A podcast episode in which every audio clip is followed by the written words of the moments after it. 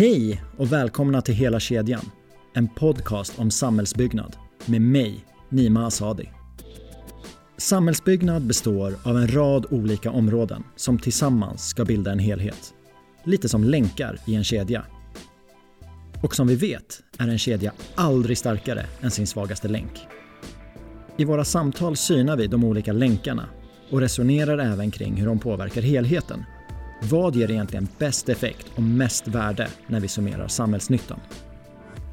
Om ni vill komma i kontakt med mig så hittar ni mina kontaktuppgifter på hela-kedjan.se. Passa på att följa oss på LinkedIn, Instagram och Facebook. Där hittar ni videomaterial, kommande gäster och kan även vara med och påverka innehållet i podden. Nu till dagens avsnitt. Min nästa gäst är boendeekonom och väldigt aktiv i den svenska bostadsdebatten. Vi pratar om läget på dagens bostadsmarknad. Hur ser det ut runt om i Sverige? Vilka faktorer är det som avgör om situationen är bra eller inte? Om marknaden inte fungerar, vilka blir då de mänskliga konsekvenserna och vad innebär det för Sverige? Vidare pratar vi även om vad det var som hände år 2017 och varför. Vi fokuserar även lite extra på en grupp som har det lite svårare på marknaden. Jag uppskattade verkligen pratstunden och det var väldigt skönt att, med tanke på dagens debattklimat, prata med någon som inte valde att peka på Finansinspektionen när vi kom in på hur marknadsläget kan bli bättre. Låt mig presentera Claudia Wörman.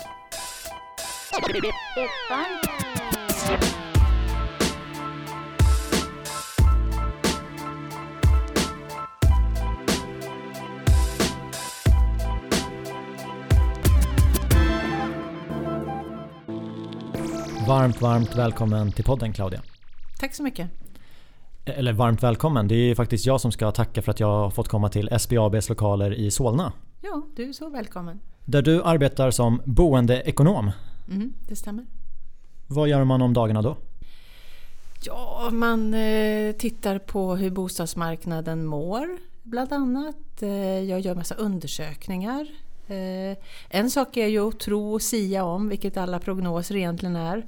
En annan sak är ju att ta reda på hur människor förhåller sig till vissa saker och då har vi ett stort eh, utbud av eh, frågor som vi kan ställa till svenska folket. Och det kan röra hur man ser på amortering, det kan också handla om om man vill investera i en fjällstuga. Det är en väldigt bred palett. Sen pratar jag väldigt mycket med media och jag pratar också på, i paneler och diskussioner. Twittrar och bloggar. Allting om boende och bostadsfrågor. Och nu är du med i ett avsnitt i hela kedjan. Och vissa av de där delarna kommer vi komma in på. Mm. Men jag tycker att vi börjar med hur kommer det sig att du kom till där du är idag? Hur har ditt arbetsliv sett ut? Eh, det började egentligen med att jag började plugga ganska sent. Eh, jag hade en period när jag började plugga i, på, i Uppsala men var inte mogen för det. Eh, mina bröder var där. Jag var väl lite mera vild, helt klart. Så att jag tog inte så många poäng så jag fick åka hem och skärpa till mig, göra andra saker och sen hade jag som en det var som en fördel egentligen att börja plugga ganska sent. Jag började plugga när jag var över 30.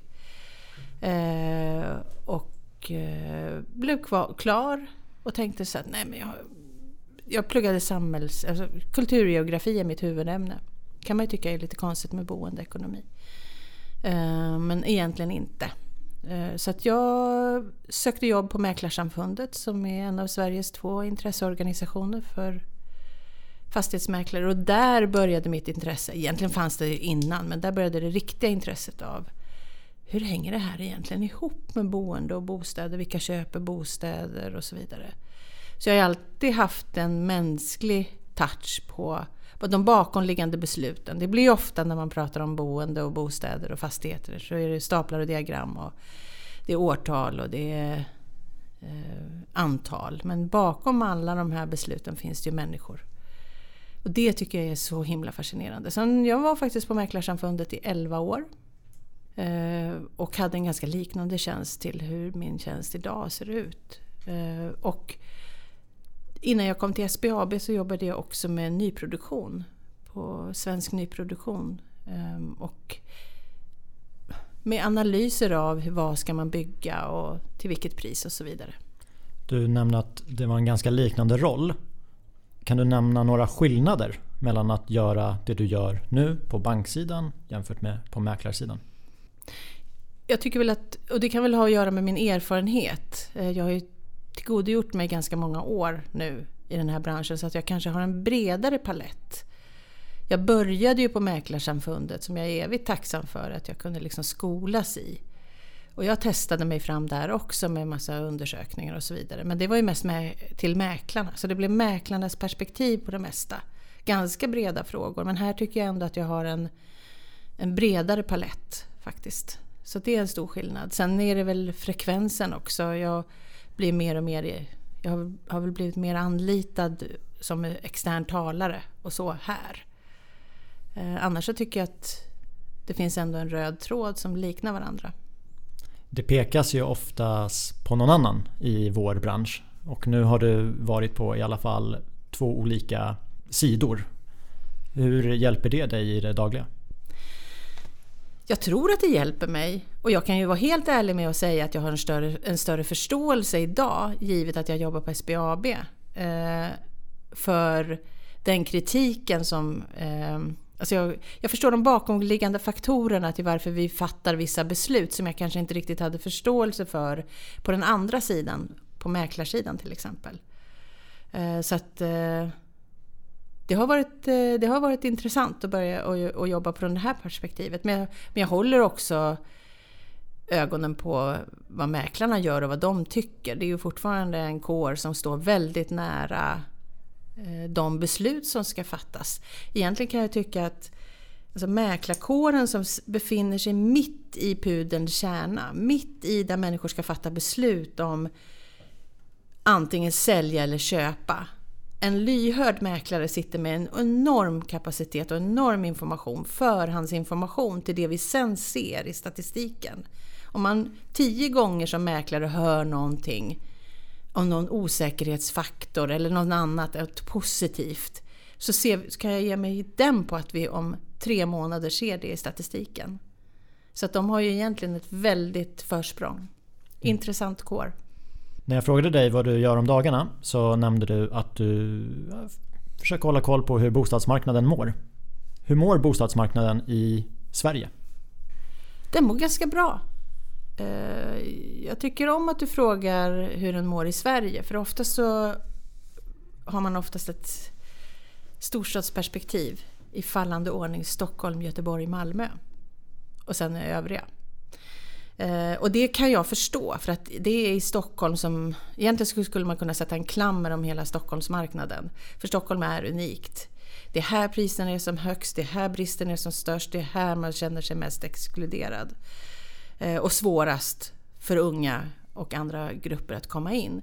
Eh, men det finns också en marknad utanför de här storstadsregionerna som också mår ganska bra. Och jag gör egentligen en skillnad mellan i allt det här. Hur, hur, hur kan jag säga att man mår bra då? Ja, alla som är inne på bostadsmarknaden mår bra.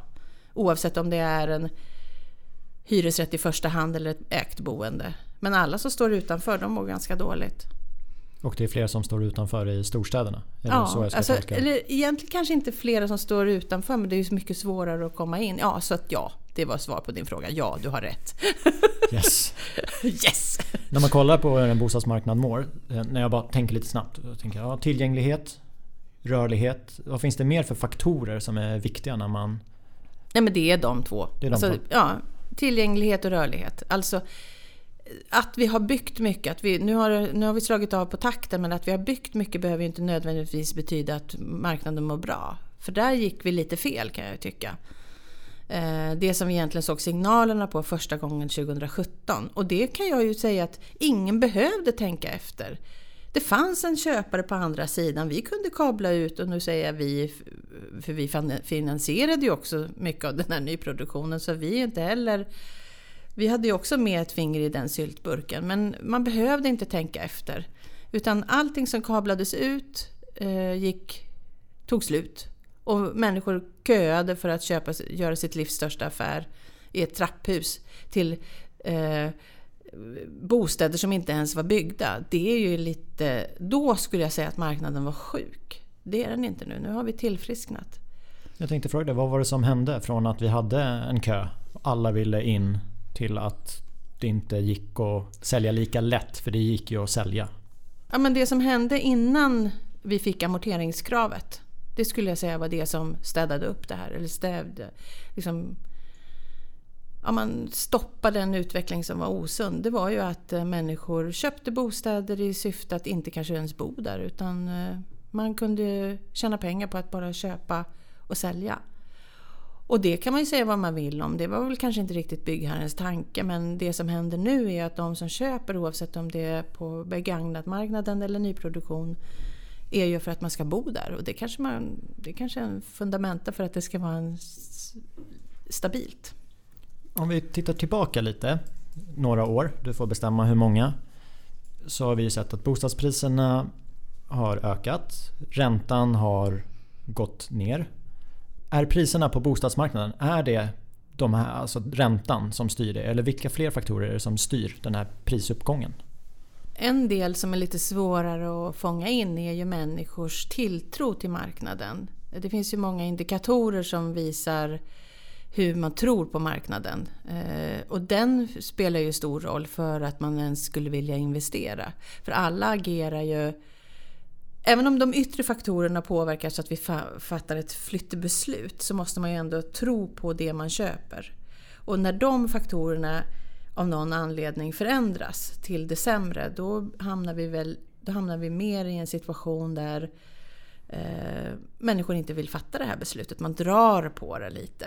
Men som det är nu så är det ganska positiva signaler och människor törs agera på en marknad. Så ja, dels de faktorerna som du nämnde men också psykologin. Sen också utbudet. Om vi har ett stort utbud, ibland är inte analysen svårare än så att nu har vi ett större utbud än det var faktiskt finns människor att köpa de här bostäderna på. Och sen brukar det justera sig. Det tar lite olika lång tid. Men som jag nämnde då 2017 var de första signalerna vi fick på att nu hände det någonting, nu var det inte lika lätt längre. Man köade inte i trapphuset längre. Nej men det är möjligt att den situationen hade kommit även, in, även utan amorteringskravet. För att på ett sätt så kablade vi ut likartade bostäder. Och den marknaden är ju inte oändlig. Utan där var det ju en utbud och efterfrågeproblematik eh, som nu skulle jag vilja säga är justerad. Vilka anser du att vi byggde för? Nu säger jag vi. Ja, bra att du säger vi, för jag tycker att det finns väldigt många gånger att det var dem. Mm. Jag tänker, var det vi? Eller var det dem? Eller var det kommunen? Eller var det politikerna? Alla bär ett visst ansvar. Så det är jättebra att du säger vi också.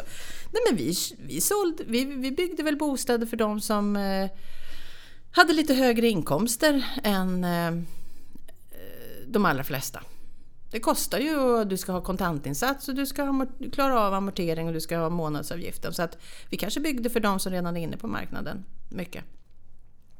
En fråga som jag har funderat över, det, är ju, det har vi pratat om lite inför den här intervjun också, är hur jämställd är marknaden? Och när du säger att vi byggde för de som var inne på den, vilka är det som inte är inne? Går det att gruppera dem? Ja, det gör det. Det går att gruppera dem utefter... Eh, om, om, om man med jämställdhet menar att eh, de som inte har tillräcklig kredithistorik, nyanlända till exempel. Vi har haft en stor migrationsvåg. Eh, vi kan prata om de som eh, ännu inte riktigt har etablerat sig på, på arbetsmarknaden, som inte har en tillsvidareanställning och inte har en så hög lön. Inget sparat kapital. Jag tänker också på de som separerar. Den gruppen blir ofta bortglömd. Alla, eller de allra flesta säger det som jag säger nu. Det är migrationen, det är de unga och det är de äldre. Som, de håller jag med om står utanför. Jag kommer att göra en liten klammer kring de som är äldre. Eh, men även de som separerar, de hamnar ofta i glömska. Men där handlar det om att ett hushåll ska bli två, man ska bära sin egen ekonomi. Och ofta, den gruppen måste ju också ofta ta hänsyn till om det är en hel familj. Då ska ju man ju oftast bo i närheten av varandra. Ja, då kanske man bor i ett ganska dyrt område redan nu och så ska två föräldrar bära sin ekonomi. Så att egentligen så om du... det är egentligen alla eh, som inte har ekonomin och som ska göra förändringar och framförallt de som ska komma in. Men klammen runt de här äldre sätter jag för att om jag sätter de här, och det hamnar man ju aldrig i situationer där man måste jämföra dem med varandra, men om jag ställer deras situationer mot varandra. Ett, att bo hemma tills man är 35, vilket faktiskt förekommer, eller att man bor i andra hand. Två, att man lever i ett äktenskap som inte riktigt är vid liv längre men att man inte kommer vidare. Tre, att man bor i en för stor villa som är färdigbetald och man bor för billigt. Så tycker jag inte jättesynd om dem. Det är jättetråkigt att de inte hittar ersättningsbostäder men om jag jämför dem, deras situation med, med andras så tycker jag inte så synd om dem. Låt oss låsa lite vid de som inte kommer in. Ja. Du nämnde unga.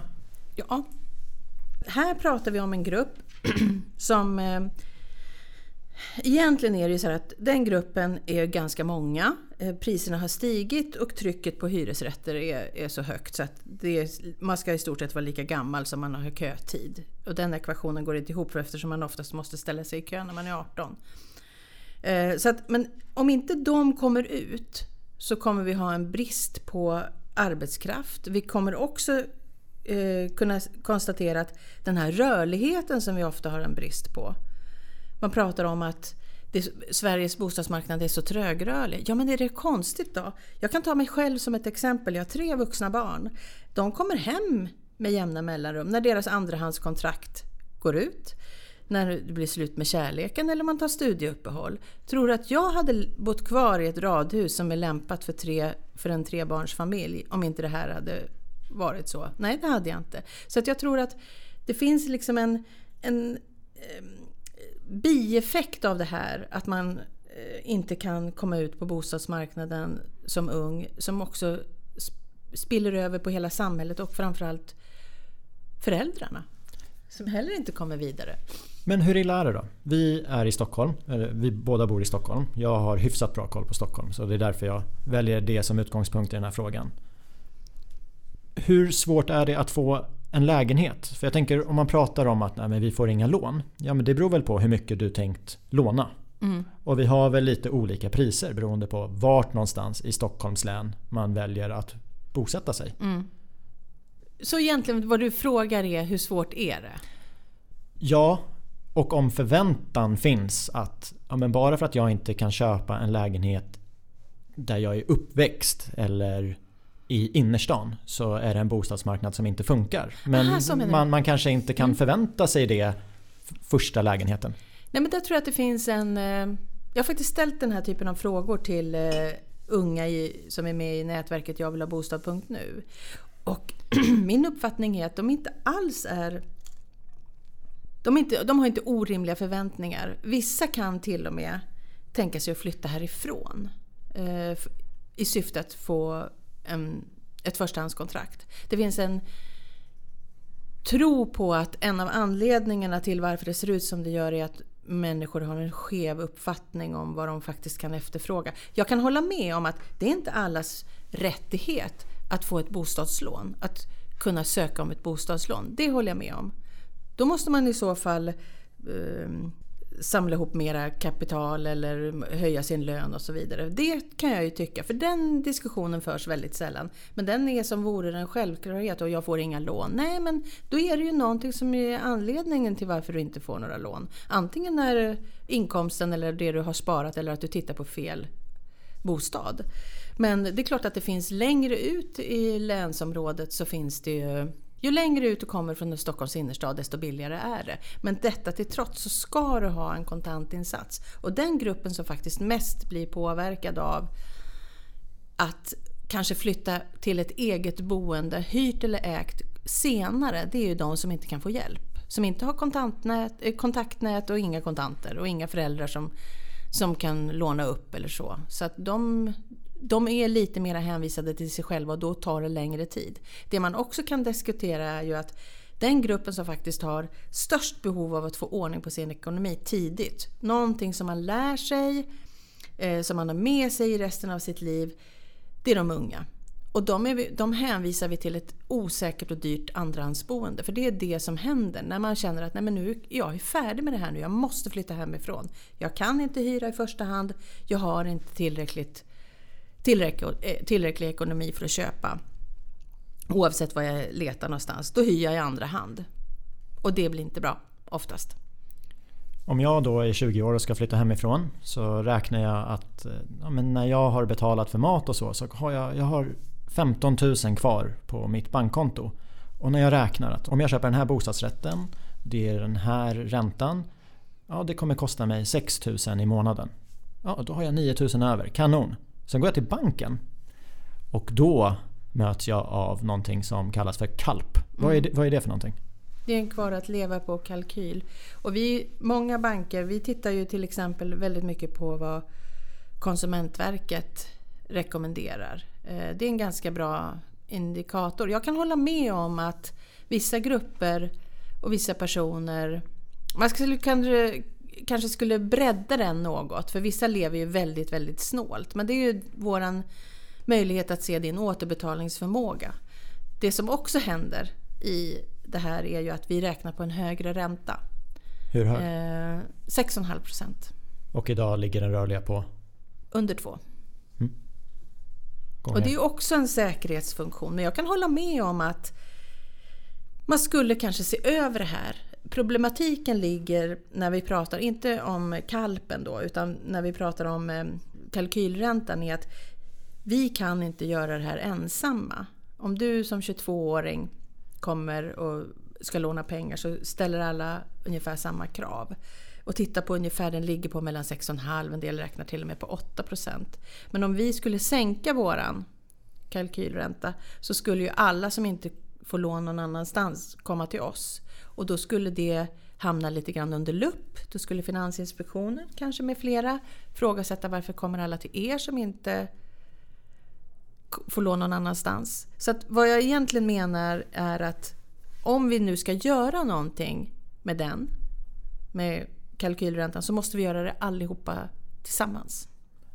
Vad har ni för krav på er? Du nämnde Finansinspektionen. Jag är alldeles för dåligt insatt. Men vad är kravet från dem? För det verkar ju som att de inte uttryckligen har sagt att ni kör Riksbankens ränta plus 5 procentenheter. Nej, jag tror att jag känner mig inte heller hundra, jag tror så här att en av anledningarna till varför det hamnar på den här nivån är när Finansinspektionen stresstestar och säger att de stresstestar hur många skulle, ja men hur mår det svenska hushållet i förhållande till vad de har i lån kontra lön och så vidare. Då, hamnar de, då räknar de själva med den nivån ungefär 7% och sen har det blivit en... Eh, det har blivit vedertaget.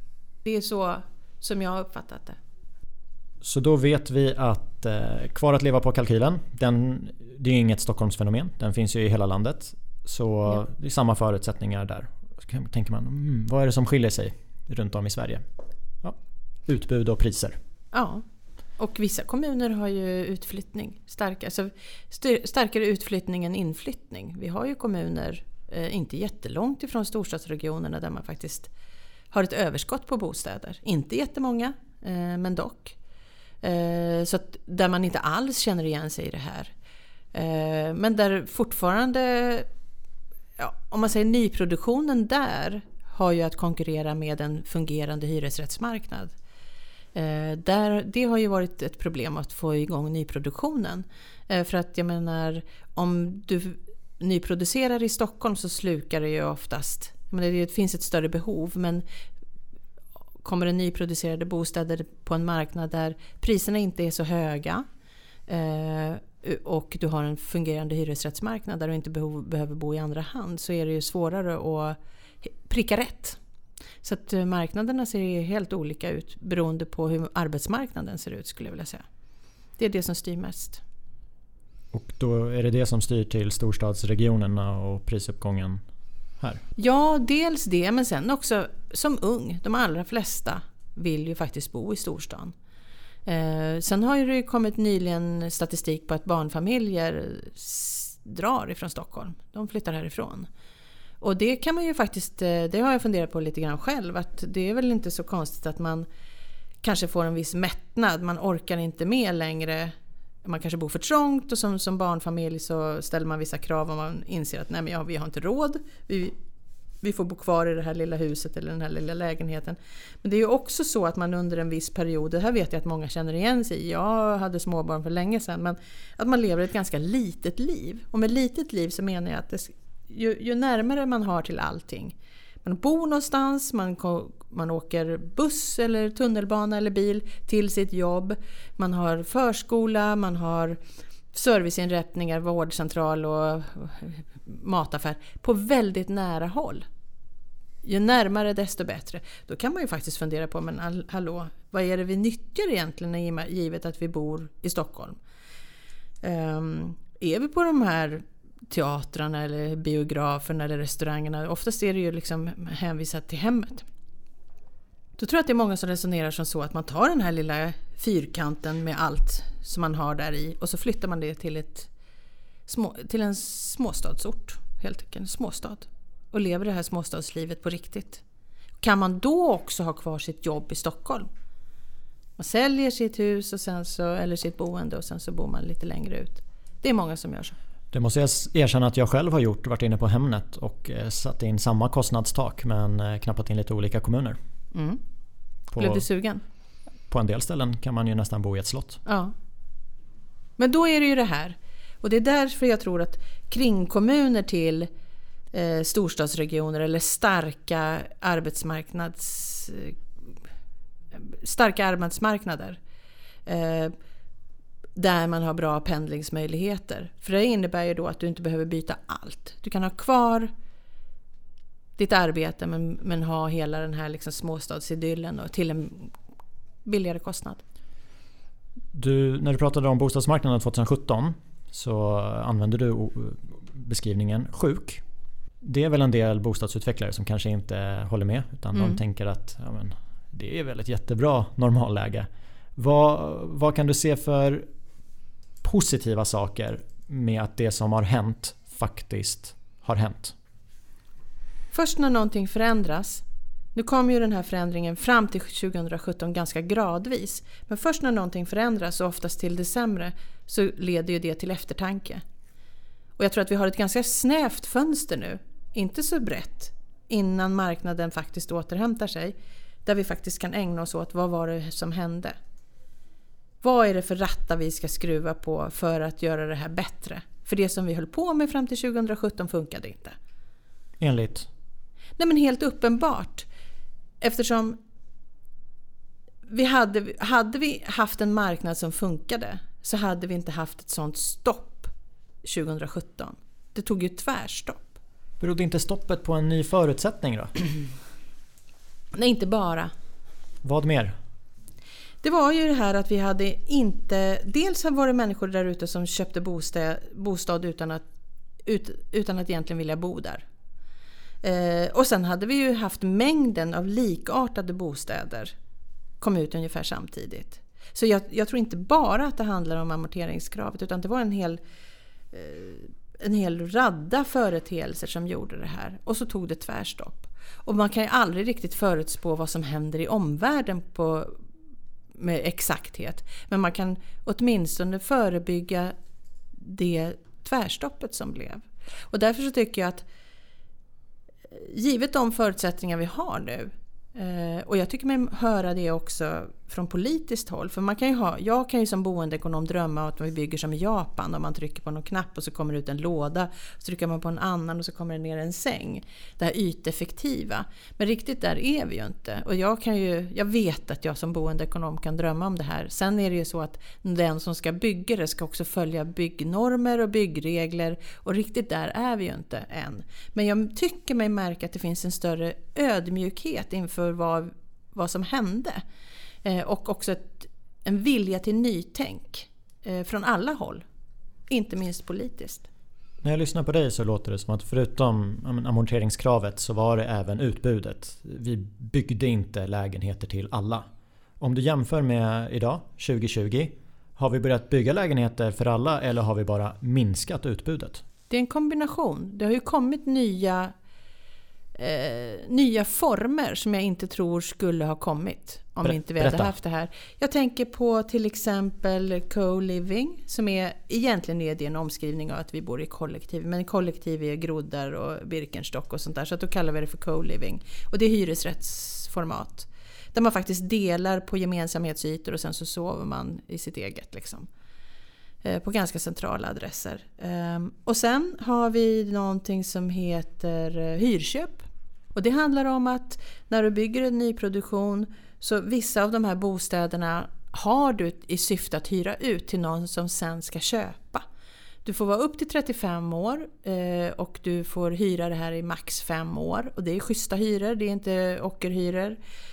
Och efter fem år så köper du den för då har du hunnit samla på dig tillräckligt mycket pengar för att ha råd med kontantinsats och provat att det här funkade. Och de två formerna tror inte du hade kunnat få samma framgång? Nej, Utan- hade, nej och, det, och, och, och lite grann är det ju behov också. Jag menar om vi... Om ingen märker att det inte... Om, om, om inte efterfrågan viker, hur ska man då märka var har man gått fel? För vi vet ju inte exakt antalet som faktiskt köpte, om jag uttrycker mig så av fel anledning, i syfte att aldrig bo där. Då kanske man trodde att ja, men det här gick ju bra, det var populärt. För det har ju med... Ja, det kan man ju aldrig med riktighet säkerställa. Eh, sen har du ju även eh, kompisbo eller vad det nu heter, jag kommer inte riktigt ihåg. Men att man köper tillsammans med byggherren. Och när man känner sig redo så köper man loss eller köper ut byggherren. Så marknaden idag, inte lika sjuk som 2017 utan på de flesta håll i Sverige mår den ganska bra. Ja, det skulle jag säga. Men om det som vi inte tror ska hända ändå händer. Att räntan börjar ticka uppåt. Har du varit med och sett några undersökningar om hur det skulle påverka? Jo men det finns ju, det kommer ju med jämna mellanrum. Men jag är ändå av den åsikten att när du går in till eh, eh, din eh, bank eh, eller när du gör ditt bostadsköp så ska du ju ha råd med kontantinsatsen. Ett, där har du ju redan byggt in en krockkudde. Du är inte fullt belånad. Du är 85% belånad. Sen har vi ju amorteringskraven. Så det borde rimligen bli så att när räntan väl sticker iväg, om den nu gör det, men vi, vi skissar på ditt scenario, då har man ändå en, en krockkudde. Man har hunnit amortera ner eh, en del på sin, sitt befintliga boende. Så att jag tror att det finns en beredskap där, för jag tror att de allra flesta, framförallt vi, jag säger vi som var med på 90-talet, eh, minns hur det var då, har en eh, försiktighet i oss. Eh, sen finns det den generationen som aldrig någonsin har varit med om stigande räntor och tycker att börjar man närma sig 2 då är det jättejobbigt. Um, och jag tycker väl så här att om man inte... Ibland säger vi så här, gå hem och räkna. Jag tror att det är väldigt många som har svårt med det. Men det finns hjälpmedel på nätet. Där man drar i ett reglage där man ser hur skulle min boendekostnad förändras med den här ökningen av räntan. Och är det så att man märker redan idag att jag klarar liksom inte riktigt av en höjning. Det kan ju ha hänt någonting från det att du har köpt ditt boende. Eh, antingen med dig själv eller i någon omständighet som gör att du inte riktigt har... Du klarar inte av det. Då tycker jag att du ska försöka göra någonting åt det. Så vad är värst då? Att räntan går upp eller att priserna går ner med 25%? jag har det i rummet, det är klart jag ställer frågan. Det är ju jättebra om priserna går ner. För de som står utanför, Mm. som ska komma in. Jag har en anekdot som är faktiskt sann. Eh, och det, jag kliver in i en tunnelbanevagn eh, från norrort. Sitter, det här var under tiden som, jag, som Metro fanns, så här är några år sedan. Sitter bakom min Metro. In kliver två kvinnor. Den ena kvinnan har nyligen sålt och den andra lyssnar. Och de pratar ganska högt så att de ville väl ha åhörare då. Men jag höll mig liksom bakom min Metro där. Där den ena kvinnan har, berättar att hon har köpt för fem år sedan Eh, nej, de, ja, 8 miljoner hade de köpt för eh, och nu skulle de sälja fem år senare för 13,5. och hade sålt. De hade liksom skrivit på och kvinnan som lyssnar på det här, inklusive hela tunnelbanevagnen, bara... Och nu visar jag med öppen mun. Ah, vad fasiken, oj. Eh, var på hon som har sålt säger högt och tydligt i hela tunneln. Nej, jag är lite besviken. Varför då? Eh, hade vi sålt lite tidigare så hade vi fått ännu mer. Och då säger hon som har hört, jag beklagar. Och då tänker jag så här, men hallå, de har inte varit med. De, det är helt fel resonemang det här. Hon var alltså besviken på de här fem miljonerna som hon hade gjort. Eller tre och en halv miljon. Det tar ju ganska många år att jobba ihop det. Ja. Och då tyckte de att... Och hur kunde hon veta att hon hade fått mer om hon hade sålt tidigare? Alltså det, det finns en... Den är väl mera läskig, att man har en tilltro till en marknad som bara ska stiga och stiga och stiga och stiga. Varför då? All investering är risk. Fråga de som investerar på börsen nu i coronatider. Men, men se bostäder, de ska bara gå rätt upp. Jag läste en artikel om det, att det var många som slutade på jobbet och bestämde sig för att bli daytraders efter den 30-procentiga uppgången förra året. Mm. Undrar vad de gör idag? Ja. Jag hoppas att det går bra. Men ja. Det, ja. Nej, men så att, eh, sen är det ju också så här att okej, okay, man blir väldigt protektionistisk och kanske lite förblindad av sin egen eh, bostadsförträfflighet när den väl ska gå ut och säljas. Den är så fin. Sen glömmer man bort att man inte har gjort någonting sedan 70-talet. Man kanske har rökt inne tillfälligtvis och så. Men den är så fin. För här kommer känslorna in. Men i, i, en, i ett sånt läge, om priserna skulle gå ner så är det ju, du köper ju nästa bostad också dy, eh, billigare. Så att egentligen är det ett nollsummespel så länge du är kvar på samma marknad. Sen om vi pratar om 25 procent, men jag menar om det är, en annat, det är ett annat läge, då, må, då måste ju någonting allvarligt ha hänt. Men jag tänker att eh, en viss nedgång, likväl som en viss uppgång, att man tittar varför får inte jag 4 miljoner? Nisse fick ju det, men han köpte ju säkert nästa boende också dyrare. Så det är tillfälligheter men också ett nollsummespel skulle jag säga. Så det gäller att ta sig in. Och nu verkar det vara vissa grupper som har väldigt svårt att ta sig in. Ja. Mm, men det, är ändå, det blir oftast väldigt deppigt. Men det finns ändå... Alltså att man, man säger att man lyssnar på den här podden och sen så hör man att nej men det är rätt kört. Det är ju inte kört. Man kan tänka bredare. Det finns andrahandsbostäder som är schyssta. Som inte kostar skjortan. För det är väl ett medskick. Är det så att du verkligen, verkligen vill flytta hemifrån eller vill flytta därifrån där du nu bor. Försök att hitta ett andrahandsboende som inte äter upp hela din möjlighet att spara. För spara, det är, liksom, det är jätteviktigt. Eh, och sen att tänka utanför boxen. Det kanske är någon som får ett förstahandskontrakt. Kanske kan du liksom dela med någon kompis. Det finns vägar. Är det det som är tipset till någon förmodligen lite yngre som vill ja, in på alltså, bostadsmarknaden. För jag vänder mig mot att jag hänfaller också ofta till att det är så kört, men det är inte det. Det finns också möjlighet att få stå i alla köer. Det finns möjlighet att få förstahandskontrakt. Det finns faktiskt det som ung. Upp till 25. Men om man ser att du är en boendeekonom. Bara, ja, Claudia ska hjälpa mig. Vi, inte Lyxfällan utan tvärtom. Vad, vad har du för, för tips? Som ung, eh, och det här tror jag inte att jag behöver säga, men tona ner dina förväntningar. För oftast så, och där tycker jag att där tar jag på mig ett ansvar också, att alla pratar om de här goda affärerna. Kvinnorna på tunnelbanan som berättade om att hon hade gjort så himla mycket vinst på den här bostaden. Och de här dåliga affärerna pratar vi sällan om. Men den första affären, det kan jag ju ta på mig att man kanske ska prata lite mer om de här dåliga investeringarna som man faktiskt har gjort. Eh, jag köpte bostadsrätt på 90-talet. Det var inte roligt. Det tror inte jag att jag har berättat för mina barn. Men det kanske jag ska göra. Ehm, att den första investeringen du gör på bostadsmarknaden är den största. Sen är du inne och då, räcker, då, då blir du mera immun mot förändringar. Då har du ändå klivit in en gång. Eh, så att ett medskick där är ju att tona ner dina förväntningar. Du kanske kan börja och bo lite längre ut. Drömbostaden är få förunnat att köpa det första man gör. Det kanske kommer andra, tredje, fjärde gången.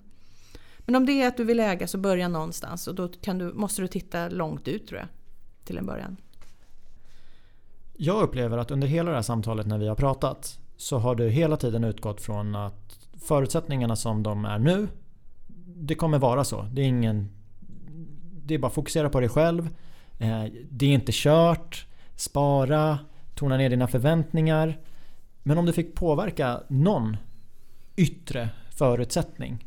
Om vi har den här gruppen som, in, som har lite svårare att komma in på marknaden. Vad skulle du vilja se för förändring? Jag skulle nog kunna till och med sträcka mig till att säga att jag vill, vill skulle ge byggbolag. För att det som redan finns, det finns. Möjligen om jag fick göra två åtgärder. Den första är att försöka få igång flyttkedjorna. För att om du tittar på, ny eller om du tittar på hyresmarknaden. De absolut billigaste bostäderna i hyresrättsbeståndet kommer aldrig loss. De sitter människor på. För att de är billiga i hyra, de ligger centralt. Och försöka få igång en, ett flytt, en flyttkedja i det. Eh, sen skulle jag också i det som nyproduceras så skulle jag som... Om jag fick bestämma en dag skulle jag säga att här har vi ett, eh, här har vi ett markområde, här ska det byggas. Jag ger er amnesti. Jag lyfter på alla regler här. Så får vi utvärdera och se hur dåligt blev det. För jag tror att det finns en tilltro till alla regler som finns. Jag säger ingenting om dem. Men jag tror också att det finns en ängslighet i att släppa på reglerna och att man genast tror att det kommer att bli jättedåligt byggt. Det är inte säkert. Och genom det så skulle man kunna hitta roliga innovativa lösningar som också kanske tilltalar en bredare målgrupp. Du sa får jag göra två? Du får göra fler förändringar. Då skulle jag ta gruppen äldre och sen skulle jag ge dem en service att eh, åka hem och hjälpa dem att rensa. För jag tror att det finns ingen äldre som bor för stort som inte har tänkt tanken. Men när man har haft ett helt hushåll en väldigt lång tid, man vet inte riktigt hur man ska komma vidare, man har, bor ganska billigt men man är överbelamrad med grejer. Skulle jag ha den servicen att komma hem och hjälpa till. Det här kan du sälja, det här är bara skit. Det här kanske något barn vill ha. Och då tror jag att fler skulle känna att de hade möjligheten att flytta. Nu har du sagt tre saker och du har inte nämnt eh, amorteringskravet, du har inte nämnt kontantinsatsen. Det är klart att man skulle kunna... Alltså jag, jag backar nog på regelverket. Eh, för det är redan... Då skulle man i så fall backa det tillbaka till att man tog bort eh, fastighetsskatten. Det började ju, där började ju den här jättehöga pris, alltså den här snabba prisutvecklingen. Eh, så att eh, jag passar på det. Jag tror att det finns andra möjligheter än att eh, titta på de strukturella. Du har en blogg där ja. man kan gå in och läsa. Ja. Var hittar man den? Den ligger på SBAB och sen är det väl tips och under tips så finns det SBAB-bloggen. Och vad ska du fokusera på att skriva om nu under våren? Det kommer nog att bli lite samma hur man ska tänka om man känner att man är väldigt långt ifrån ett sparande eller en bostad. Hur man faktiskt kan komma dit. Det är oftast de jag pratar till. Så där kan man börja? Ja, precis. Tack för att du gästade podden. Claudia. Tack så mycket. Tack.